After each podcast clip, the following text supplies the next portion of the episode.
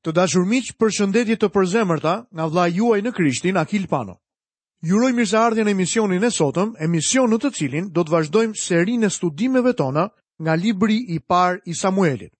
Sot do fillojmë studimin tonë në kapitullin e 26, i cili do të na prezantojë me Davidin, i cili sërish do të kursejë jetën e mbretit Saul.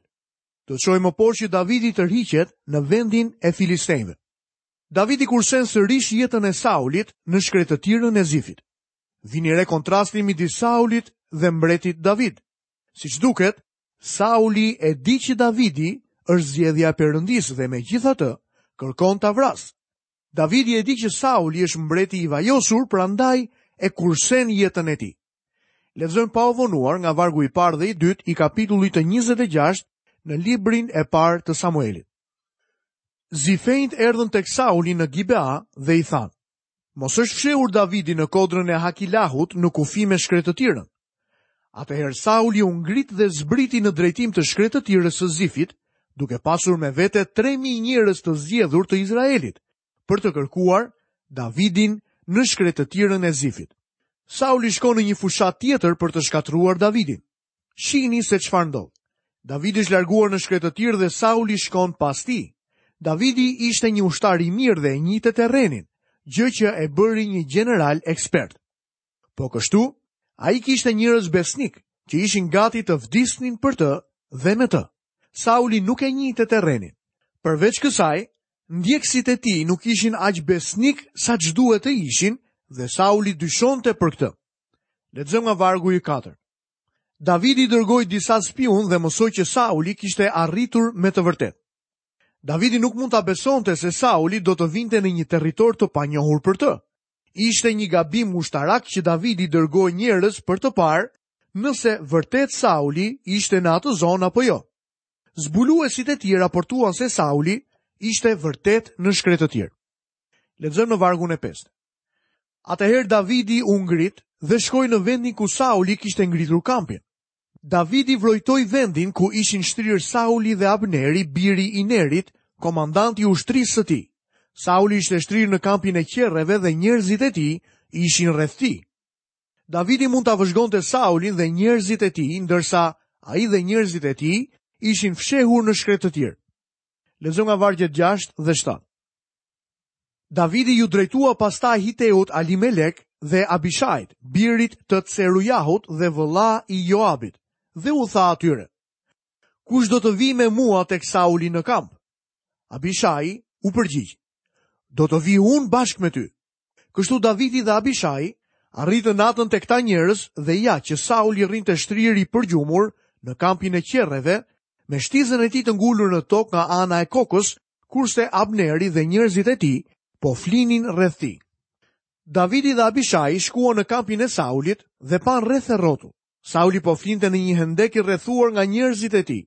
Nga ana e kokës kishin ngullur shtizën në tokë. Lexojmë në vargun e tetë. Atëherë Abishai i tha Davidit, Sot Perëndia të ka dhënë në dorë armikun tënd, prandaj të lutem, më lejo ta godas me shtizë dhe ta mbërthej në tokë me një të rënë të vetme. Nuk do të ketë nevojë për një goditje të dytë. Abishai po i thoshte Davidit, vetëm më lejo ta godas. Do ta godas vetëm një herë dhe ti do të çlirohesh nga armiqtë e tu. Lexojmë vargun e 9. Por Davidi i tha Abishait, mos e vrit, kush me të vërtetë mund të ngrejë dorën kundër të vajosurit të Zotit, pa u bërë fajtor. Edhe një herë tjetër Davidi pati mundësinë për të vrarë Saulin, por ai refuzoi. Ai nuk do ta ngrejë dorën e tij kundra të vajosurit të Zotit. Lexojmë në vargun e dhjetë. Pastaj Davidi shtoi, ashtu siç është e vërtetë që Zoti rron, vetëm Zoti do ta godasë ose sepse do t'i vijë dita dhe ka për të vdekur, ose pse do të shkojë të luftojë dhe do të vritet. Davidi thotë, Perëndia do të kujdeset për të. Davidi po vepron sipas principit që gjejmë tek libri i Hebrenjve kapitulli 10 dhe vargu i 30. Hakmarrja më takon mua, unë do ta jap shpagimin, thotë Zoti. Lexojmë poshtë nga vargjet 11 dhe 12. Zoti të më ruajë që të mos e shtrij dorën kundër të vajosurit të Zotit.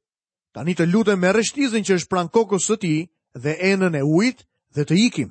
Kështu Davidi mori shtizën dhe kanën e ujit që ishte pranë kokës së Saulit dhe iku. Asnjë njeri nuk pa asgjë, Asnjë njeri nuk vuri re, asnjeri nuk u zgjua, të gjithë flinin sepse një gjumë i thellë, i dërguar nga Zoti, i kishte zënë. Ajo çfarë bëri Davidi, nuk ishte e vështirë, ai mori shtizën e Saulit dhe kanën e ujit dhe asnjë nuk u zgjua, sepse i kishte zënë një gjumë i thellë i dërguar nga Zoti. Lexojmë vargun e 13. Pastaj Davidi kaloi në krahun e kundërt dhe u ndal larg, në majën e malit. Kishte një lartësi të madhe midis tyre. Davidi tani largohet nga kampi i Saulit, por nuk kthehet tek njerëzit e tij. Ai shkoi në anën tjetër të kampit të Saulit dhe qëndroi në majë të kodrës. Atje ishte një vend prej të cilit mund të largohej lehtësisht nëse e ndiqte dikush. Lexojmë më poshtë nga vargjet 14 deri 17. Atëherë Davidi u thirri njerëzve të Saulit dhe të Abnerit, birit të Nerit, dhe u tha: Abner, nuk po përgjigjesh? Abneri u përgjigj dhe tha: Kush je ti që po i bërtet mbretit?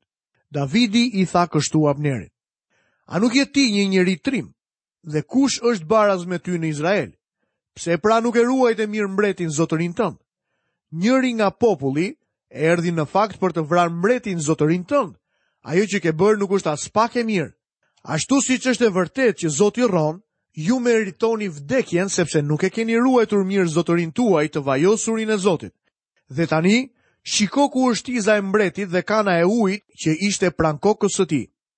Sauli njohu zërin e Davidit dhe tha, A është zëri yt, o biri im David? Davidi u përgjigj, është zëri im o mbret, o im zot. Në fakt mendoj se Davidi po i drejtohet Abnerit me sarkazëm. Abneri është kapiteni i Saulit dhe duhet ta kishte mbrojtur atë me çdo kusht. Davidi po e tall Abnerin. Davidi i thotë se mbreti mund të ishte vrarë për shkak të paaftësisë së tij. Në këtë kohë mbreti dhe njerëzit e tij fillojnë të zgjohen dhe pyesin veten se çfarë ka ndodhur. Pastaj Davidi thotë, ku është shtiza e Saulit dhe kana e ujit që ishte në kokën e tij? Ato nuk janë më aty. Davidi me siguri i ka ngritur dhe ka thënë, shikoni, janë në duart e mia, Unë mund ta kisha vrarë Saulin, por nuk e bëra. Kjo ishte gjëja më e rëndësishme. Davidi nuk e vrau mbretin.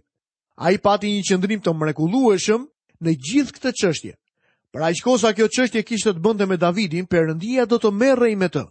Ndoshta mund të jetë e lehtë për ne të kritikojmë Davidin, por a e lejojmë ne Zotin të merret me armiqtë tanë. Ne përpiqemi t'i marrim gjërat në duart tona. Përpiqemi t'u përgjigjemi vetë akuzuesve tanë.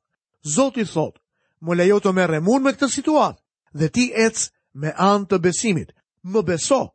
Ne do të shohim se Davidi i besoi Zotit dhe Zoti u kujdes për Saulin në kohën e duhur. Lexojmë vargun e 25. Atëherë Sauli i tha Davidit: Qofsh i bekuar biri im David. Ti do të bësh vepra të mëdha dhe ke për të dalë me siguri fitimtar. Kështu Davidi vazhdoi rrugën e tij dhe Sauli u kthye në shtëpinë e vet. Edhe pse Sauli sërish e pranoi që e kishte pasur gabim dhe nuk e ndoqi më, Davidi e dinte që ky ishte një pushim i përkohshëm. Ne do ta shohim zemrën e Davidit shumë të dekurajuar. Ai është i lodhur nga vrapi i tij i vazhdueshëm dhe fshehja në strofullat e tokës. Tani do të shohim në kapitullin e 27 se si Davidi tërhiqet në vendin e filistejve. Lexojmë nga vargu i parë. Davidi tha në zemër të tij, një ditë ose një tjetër, unë do të vritem nga dora e Saulit, prandaj nuk ka asgjë më të mirë për mua se sa të shpëtoj kokën në vendin e filistejve. Kështu që Sauli do të heqë dorë të më kërkojë akoma në të gjithë territorin e Izraelit. Kështu do të shpëtoj nga duart e tij.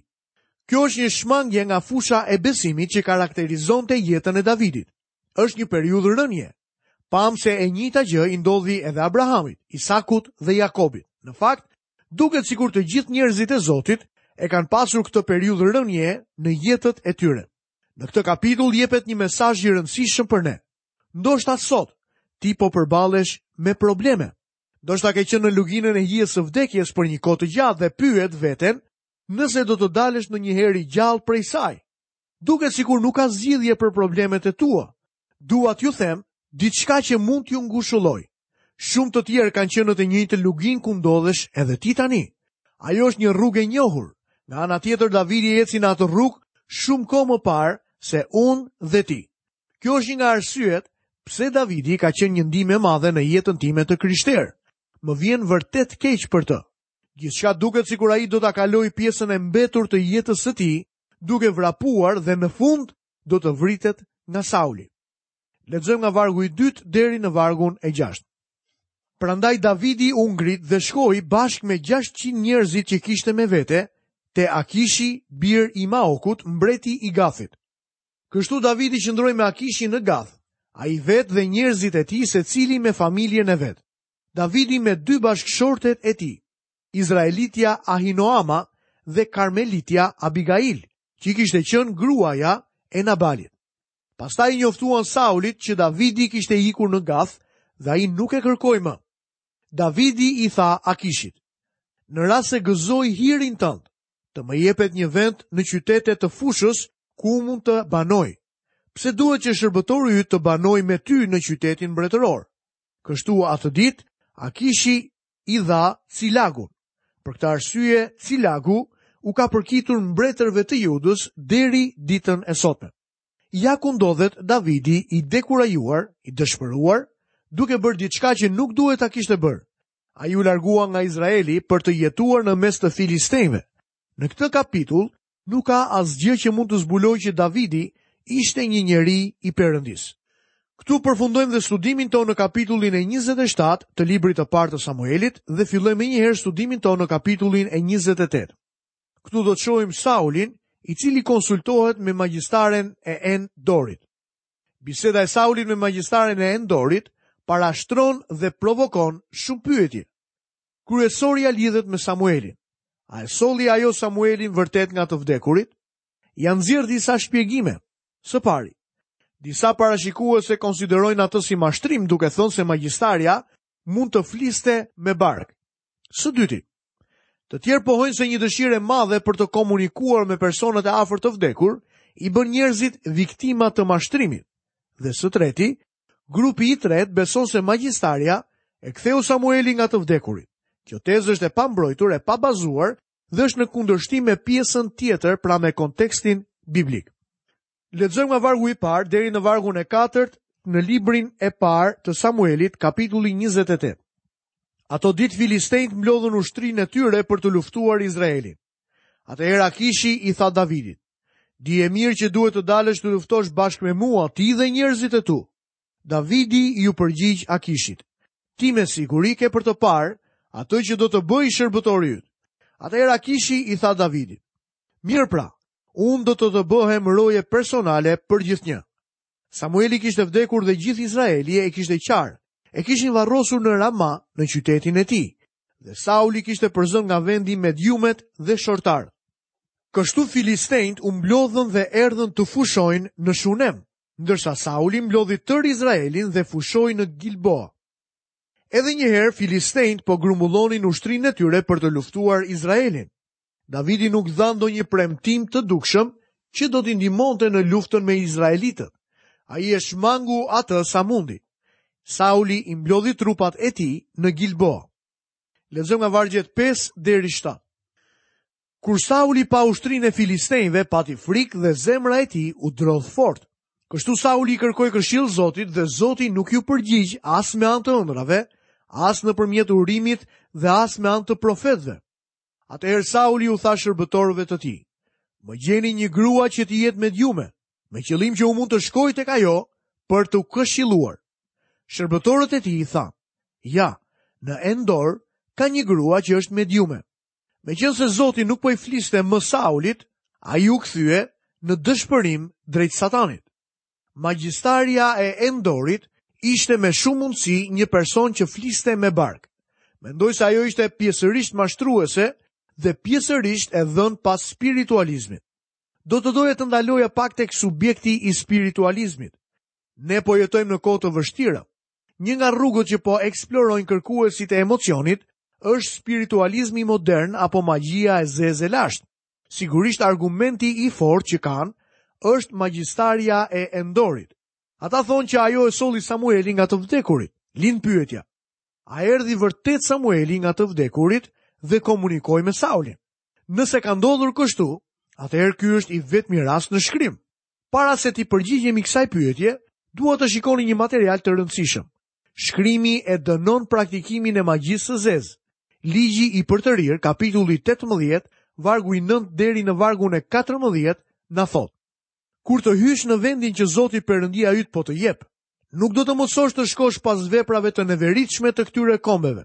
të mos gjendet midis teje ndonjë që e kalon birin ose bijën e vet nëpër zjarr, as ndonjë që praktikon shortarinë, bën parashikime, interpreton shenjat dhe merret me magji, as ai që përdor yshtje, as mediume që konsultojnë frymrat, as magjistar, as ai që ndjell të vdekurit sepse të gjithë ata që merren me këtë punë neveriten nga Zoti dhe për shkak të kësaj neverie, Zoti është duke i përzënë përpara teje. Ti do të jesh i përkryer përpara Zotit, Perëndisë tënd, sepse kombet që do të dëbosh i kanë dëgjuar shortarët dhe magjistarët, kurse ty, Zoti Perëndia yt, nuk të ka lejuar të veprosh kështu. Ne po jetojmë në një kohë ku ka shumë praktika në fushat e sipërpërmendura. Në revistën Time, disa vite më parë, dolën dy parashikues të fatit. Sipas revistës, shumica e yjeve të Hollywoodit ishin konsultuar me ta për të zbuluar të ardhmen e tyre. Një revistë tjetër, The Guardian, një botim i kishës anglikane, kishte këtë artikull. Pavarësisht nga numri i shumtë i mashtruesve, falsifikatorëve dhe lexuesve të mendjes me të cilët hetuesit e kërkimeve fizike duhet të luftojnë, mbetet një bërthamë lënde e vërtetë që nuk mund të shpjegohet me anë të njohurisë tonë aktuale. Ajo mund të shpjegohet vetëm me anë të pranimit të hipotezës që personaliteti njerëzor ekziston përtej vdekjes dhe disa persona kanë fuqinë apo dhuntinë që t'i kontaktojnë ata. Kishat nuk kanë pse të kenë frikë nga fenomenet fizike të vërteta. Është e habitshme se që në atë kohë kishte një interes të madh në çështjen e shikimit të yjeve. E ashtuquajtura shkenca e perceptimit të jashtëzakonshëm ndijor është zhvilluar shumë. Shumë njerëz kanë blerë horoskope. Miliona dollarë shkojnë në xhepat e astrologëve çdo vit. Unë mund t'ju them që fjala e Zotit e dënon plotësisht këtë lloj gjëje dhe Perëndia i ka gjykuar njerëzit në të kaluarën për shkak të saj. Ai madje i nxorri njerëzit e tij jashtë nga vendi për shkak se u larguan nga ai dhe u kthyen te këto gjëra të urryera. Miku im, këto janë praktikat e rrezikshme të kohës. Shkrimi na paralajmëron për rrezikun dhe predikon që do të ketë një shpërthim të tyre.